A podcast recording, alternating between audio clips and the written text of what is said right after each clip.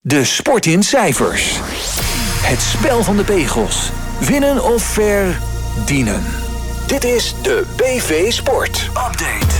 En welkom bij weer een nieuwe aflevering van deze BV Sport Update. Zoals altijd praat ik met sportmarketingdeskundige aangesloten bij IVRM, Frank van der Walbaken, over het laatste nieuws op het gebied van sportmarketing. Frank, hele goedemiddag. Goedemiddag Robert. Normaal gesproken pakken we de korte nieuwtjes eigenlijk altijd eh, aan het einde. Maar uh, die hebben nu even voor een eh, reden naar voren geschoven. Ja, uh, wat goed en wat minder goed nieuws. Maar alles even op een rijtje van de afgelopen week. Want er gebeurde weer het een en ander. het mooiste nieuws van de week wat mij betreft komt uit Den Haag. waar niet al te veel goed nieuws vandaag de dag uit vandaan komt. Maar goed, de Tweede Kamer kwam met de melding dat het schoolzwemmen weer in gevoerd gaat worden. Nou, in alle onbegrijpelijke onzin die gaande is in uh, politiek Den Haag, is dit wel een enorme opsteker, wat mij betreft nogmaals. Uh, nu nog uh, de volgende wens van mij: gymnastiek weer een verplicht vak maken. met ook een cijfer op het rapport. maar voor het eerst in tijden dat ik een, een applaus geef aan de politiek. Nog meer goed nieuws. het ABN AMRO tennistoernooi, waar jij ook de hele week bent geweest, Robert, heeft ook weer een record uh, verbroken of gebroken. Uh, 127.000 uh, toeschouwers uh, bezochten Ahoy in Rotterdam voor het ABN AMRO Open. En daarmee is niet alleen een record gebroken voor wat het Nederlandse toernooi betreft, maar ook is het het best bezochte indoor tennistoernooi ter wereld. Dan ja, natuurlijk wat verdrietig en wat ook minder goed nieuws, maar wel begrijpelijk nieuws is natuurlijk het stoppen van Irene Schouten. Uh, na het afgelopen weekend het WK drie keer goud en één keer zilver te hebben gewonnen, kwam ze toch wel geheel onverwacht, althans voor mij en voor vele anderen, met het nieuws dat uh, ze toch de andere zaken in het leven ook meer aandacht wil gaan besteden. Als ik dat zo interpreteer, als zij dat zegt, ze is een huis aan het bouwen, uh, ze willen gezinnetjes stichten, dus ik begrijp het. Maar het moment is wel onverwacht. Maar ja, dat maakt de sport ook weer mooi. Dus niets dan lof voor Irene Schouten, die ons zoveel fantastisch um, ja, heeft warm weten te maken. Uh, haar collega uiteraard. Maar Irene Schouten vind ik wel een, een, een schoolvoorbeeld voorbeeld van een, uh, een schoolboekvoorbeeld van een ideale topster. Dan de geruchten um, dat Mbappé van Paris Saint-Germain naar Real Madrid zal gaan, die nemen met de dag meer uh, vormen aan. Um, hij zou voor uh, Paris Saint-Germain hebben ingelicht dat hij vertrekt. Hij zou daarin niet het woord Real Madrid hebben meegenomen. Maar tegelijkertijd in, in Madrid verscheen er nieuws dat hij al getekend zou hebben bij Real Madrid. Dus dat wordt vervolgd. Dan natuurlijk het afgelopen weekend een wereldrecord wederom voor Femke Bol. In de toch de, de koning of de koningin der alles en atletiek. Nou, dat was natuurlijk ook weer iets moois. Dat belooft wat voor Parijs komende zomer. Dan het nieuws dat uh, voor mij als ja, liefhebber van over het algemeen middenvelders in het voetbal... het vertrek van Modric bij Real Madrid, waar Mbappé dus naartoe gaat. En Modric die weggaat. Ik ben benieuwd waar hij naartoe gaat. En dan tot slot over de nieuwtjes. Al of niet nieuw, nieuws. Vele geruchten gaan uh, doen de ronde op dit moment over Frenkie de Jong. Um, dat hij zou vertrekken bij Barcelona en dat hij 40 miljoen per jaar zou verdienen. Nou, Frenkie heeft zelf een, een bijeenkomst belegd gisteren om dit volledig onderuit te halen. Zijn teleurstelling uit te spreken over de handelwijze van de Spaanse uh, pers. Door allerlei dingen te verzinnen. Uh, hij zegt, ik ben ontzettend tevreden en blij in Barcelona. Uh, en er is niet, geen andere club waar ik niet voor zou willen spelen dan Barça. Dus uh, al die geruchten wil ik ook bij deze even ontzenuwen. zeker ook als fan zijnde van Frenkie de.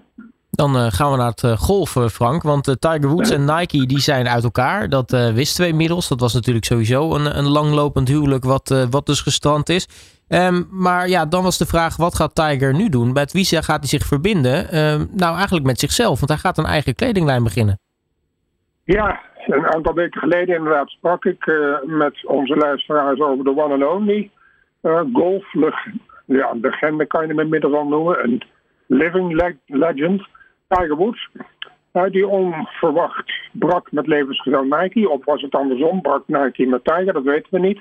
Maar ik veronderstelde toen al dat een en ander te maken zou hebben met het vertrek van Nike uit het golf. Eh, het zij om marketingredenen, het zij om grote concurrentie van gerenommeerde golfmerken, het zij om enigszins, het enigszins conservatieve imago een golf, dat nu niet direct bij de swoosh past. Maar ja, hoe dan ook. Tiger zou Tiger niet zijn als hij nu opeens bekend, als nu opeens bekend wordt dat de Tiger zijn eigen merk lanceert in nauwe samenwerking met het grote golfmerk TaylorMade. Um, een en ander onder de naam Sunday Red. Natuurlijk inhakend op zijn inmiddels bekende traditie om in de, op de finale dag van het toernooi uh, altijd een rood polo shirt te spelen. Uh, en dat bracht hem ook, uh, zei hij zelf, geluk, want hij won veel van die toernooien. Het logo is natuurlijk van het nieuwe merk dan een tijger, dat mogen duidelijk zijn. Met 15 strepen. En waarom dan wel 15 strepen? Omdat Tiger 15 majors heeft gewonnen. Uh, en er kennelijk vanuit gaat dat hij niet een zestiende aan die lijst zal kunnen toevoegen. Ik wil wel zeggen, ja, dan moet hij geen 16e winnen, want dan moeten ze alles gaan, gaan aanpassen. Uh, ja. we blijven in Amerika, want uh, drie hele grote partijen, uh, die hebben de, de handen ineengeslagen.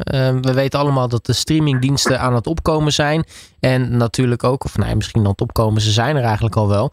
maar ook qua live sport zich weer steeds willen gaan mengen. Maar deze drie grote partijen hebben nu zoiets van, nou, daar gaan we een stokje voor steken. Ja, er is eigenlijk, kan je wel spreken van, er is een ware oorlog gaande. Niet alleen in Amerika maar ja, dat is toch wel uh, in zaken de televisieontwikkelingen en de streamingdiensten wel het, land waar het meest gebeurt. Uh, er is een hevig gevecht gaande tussen alle streamingdiensten voor sport. Nou, er is te weinig ruimte voor heel veel van die streamingdiensten. Dus je ziet dan een verschijnsel dat er fusies gaan komen of samenwerkingsplannen. Nou, niet de eerste de beste. ESPN Warner Brothers Discovery en Fox hebben de handen ineengeslagen uh, in de lancering van een gezamenlijke sportstreamingdienst uh, voor live sport. Uh, gezien de contacten en contracten van deze drie grootmachten met onder andere de NFL, de Major League Baseball, de National Hockey League en de National Basketball Association, lijkt succes verzekerd. En vraag ik me af wat het antwoord zal zijn van de Amazons van deze wereld, van de Apples van deze wereld en nog vele andere. Um, een eerste reactie is er al, want Paramount en Comcast, ook niet de eerste de beste, hebben besloten de kracht in sport ook te gaan combineren via een streamingdienst die sowieso al CBS en NBC Sport uitzenden. Dus um, deze ontwikkeling in het medialandschap van um, de Verenigde Staten op het gebied van sport worden zeker vervolgd. Dan uh, lijstjes, want daar houden we natuurlijk van hier bij eh, de BV Sport Update. Um, jij hebt de, top 10 omzet van Europese voetbalclubs op een rijtje gezet. Ja, het, het, is natuurlijk gebruikelijk, uh, want we houden het allemaal in de gaten. En er wordt maar met geld gestrooid en de, de ene heeft schulden, de andere heeft geen schulden. Je moet je altijd maar vragen wat is waar in al die geruchten. In ieder geval staat Real Madrid, ja, in mijn ogen begrijpelijk. Het is toch de grootste en de meest smaak- en spraakmakende club van de wereld als je het over voetbal hebt.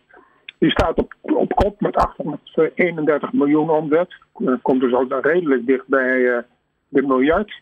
Op twee staat Manchester City. Op drie Paris Saint-Germain. Op vier Barcelona met heel veel schulden. Maar dat schijnt uh, toch niet erg uh, te, te, te, doen op een of andere manier. Ik begrijp dat nooit, maar goed. Op vijf nog steeds Manchester United. Nou, die hebben nu een nieuwe eigenaar, of gedeeltelijk eigenaar, maar die absoluut de belangrijkste eigenaar gaat worden, meneer Jim Radcliffe.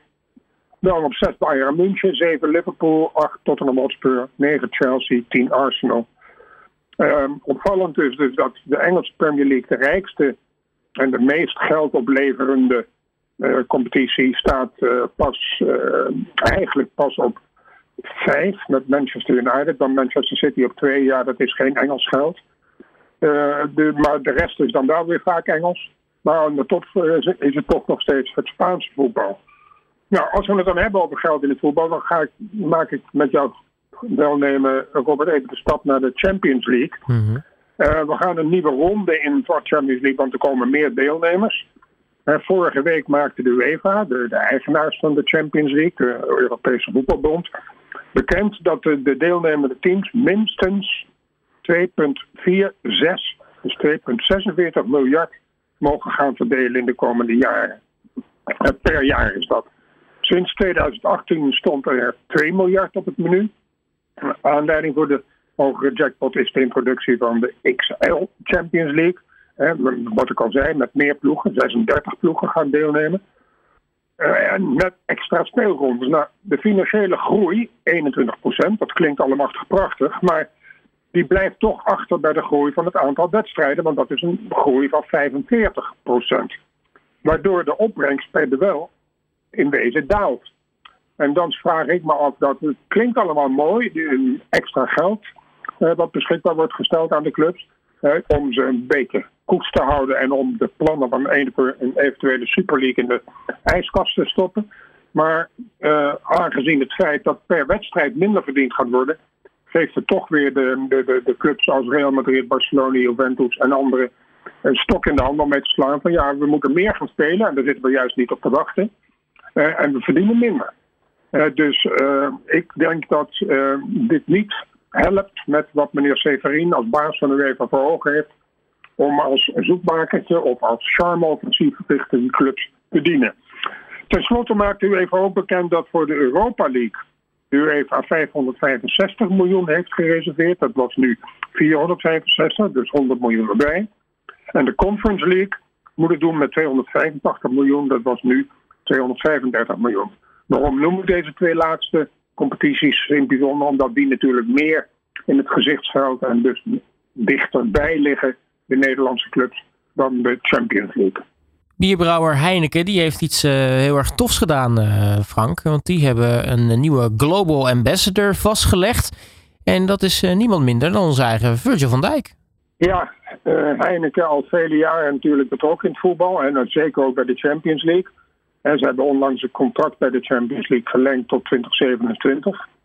Ehm, ze hebben dus besloten meer inhoud te geven aan die betrokkenheid in het voetbal door het aantrekken van iemand inderdaad minder dan Virgil van Dijk. Dat is leuk, is natuurlijk een Nederlander. Uh, Heineken toch een Nederlands merk.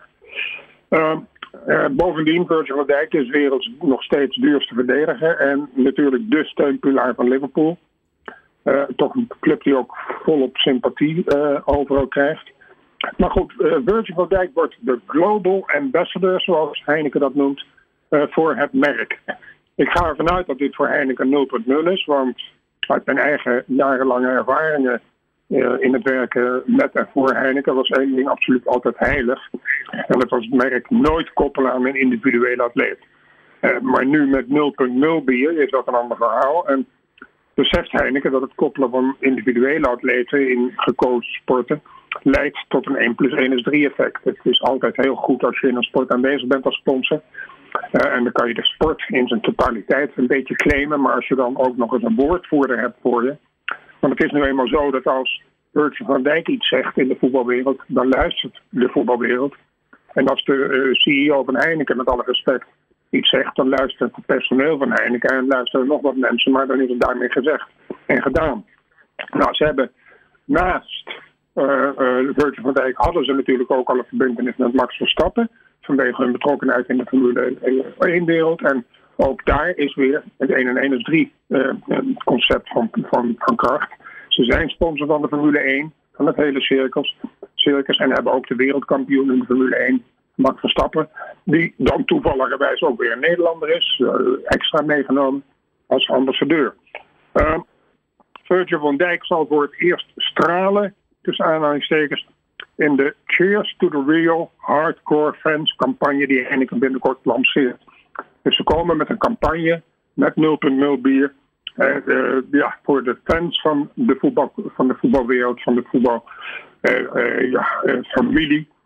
Uh, ja, um, en ook nog eventjes over Liverpool gesproken. Um, Robert, even een vraag aan jou. wat denk jij, gaat Jurgen Klopp, hè, die dus aangegeven heeft te vertrekken, gaat hij bondscoach worden van, van de Mannschaft in Duitsland? Die het niet zo goed doen en die best wel een Jurgen Klopp zouden kunnen gebruiken? Of gaat hij naar Barcelona? Oeh, dat is een lastige vraag. Als hij een beetje ambitie heeft, gaat hij naar Barcelona. Um, Ja, anders, ik, ik, ik weet niet. Ik zie hem ook niet, zeg maar, een soort van nieuwe Joachim Leuf worden. Ja, ik vind het lastig om te zeggen. Ik denk dat toch dat hij naar Barcelona gaat. Nou, dan deel, deel ik die gedachte. Ik, ik schat Jurgen Klopp ook in als een man met passie voor het voetbal, met een enorm, als een enorme liefhebber. En dan is het toch een soort wens, denk ik, voor die, dat soort mensen om een keer de coach te mogen zijn van Barcelona. Waar ja, dat te, boek staat met aantrekkelijk aanvallend voetbal. En de manschaft is natuurlijk toch ja, uh, gedisciplineerd. Uh, nou, is toch iets anders. Dus uh, ik deel jouw gedachte, jouw mening. Ja, en die manschaft kan die altijd nog doen. Je, je weet niet hoe, hoe vaak de mogelijkheid komt om, om Barcelona te coachen natuurlijk. Exact, dat komt er maar één keer langs. En we weten allemaal intussen wel dat Xavi daar gaat vertrekken. er zijn allerlei speculaties. Er gaan zelfs geruchten rond dat, dat er al getekend zou zijn met uh, Steins, uh, de voormalige Ajax-coach. Nou, daar geloof ik helemaal niets van. Maar ja, in de voetbalwereld ja, word je dagelijks geconfronteerd met de meest uiteenlopende geruchten. Dus je wapent je er tegen eigenlijk. En de meeste zijn niet waar. Dan uh, de CONCACAF, de voetbalbond van Noord- Midden-Amerika en de, de die heeft een meerjarig sponsorcontract getekend met de Saoedische energiegigant Aramco. Ja, inderdaad. En uh, Aramco is al uh, redelijk uh, aanwezig in de sport. Onder andere natuurlijk in het Formule 1-circus. Maar dat vind ik nog een uit te leggen. dus een begrijpelijke zaak. Want dat is dicht bij hun core business, energie. dus dat is te, te, te verklaren. Maar om dan sponsor te worden... en reken maar dat je praat over grote bedragen van de CONCACAF... de voetbalbond van Noord-Amerika, Centraal-Amerika en het Caribisch gebied... Dat vind ik een onverklaarbaar iets. Dus als er nog mensen zijn die mij kunnen uitleggen dat, uh, of mij kunnen overtuigen dat sport en politiek gescheiden zijn, dan, uh, ja, dan geef ik ze weinig kans. Want dit is zuiver een politieke manoeuvre natuurlijk dat een Saudi, Saoedisch bedrijf, een van de grootste bedrijven in Saudi-Arabië, een sponsor wordt van de Noord-Amerikaanse voetbalbond. Dat uh, heel merkwaardig, maar wel opvallend. En het geeft eigenlijk ook weer uh, hoe je het ook bent bekeert, de kracht van sport. Dat sport wordt ingezet in dit soort ja, charme-offensieven, zou ik het bijna willen zeggen. Of het aangeven van wij zijn vrienden van Amerika, Saudi-Arabië. Dus uh, opvallend en interessant. En tot slot dan een nieuwtje uit de, de Engelse Premier League voor vrouwen. Want daar is weer een nieuw bezoekersrecord gebroken. Ja, het is uh, keer op keer Arsenal dat het daar uh, doet. Want in de vorige week gespeelde wedstrijd van de vrouwen Arsenal tegen Manchester United. Overigens een score van 3-1 voor Arsenal. Uh, werd recente record van 59.000. En dat was gevestigd in de wedstrijd Arsenal tegen Chelsea. Ehm, is verbroken. het zo goed als volledig gevulde Emirates Stadium van Arsenal daar zaten 60.160 bezoekers naar die vrouwenwedstrijd te kijken. Nou, dat is een goede ontwikkeling. De vrouwensport in het algemeen en vrouwenvoetbal in het bijzonder zit in de lift. Niet alleen in Engeland, overigens overal. En dat is natuurlijk uh, goed nieuws. Um, getuigen ook overigens in de ochtendkranten van vandaag uh, weer een groot stuk over um, de vrouwen die uh, bij, voor een hogere beloning gaan vragen. Die kon je voorspellen natuurlijk. gezien de groeiende toeschouwersaantallen. Dat leidt dan weer tot waarschijnlijk grotere sponsorinteresse, dus meer geld, dus ook hogere salarissen. En dat uh, was hem weer voor uh, deze week. Uh, Frank van der Walbaken, mag ik je hartelijk danken voor je tijd. En wij spreken elkaar volgende week weer. Tot volgende week, Robert. Alle sporten van binnenuit. All Sport Radio.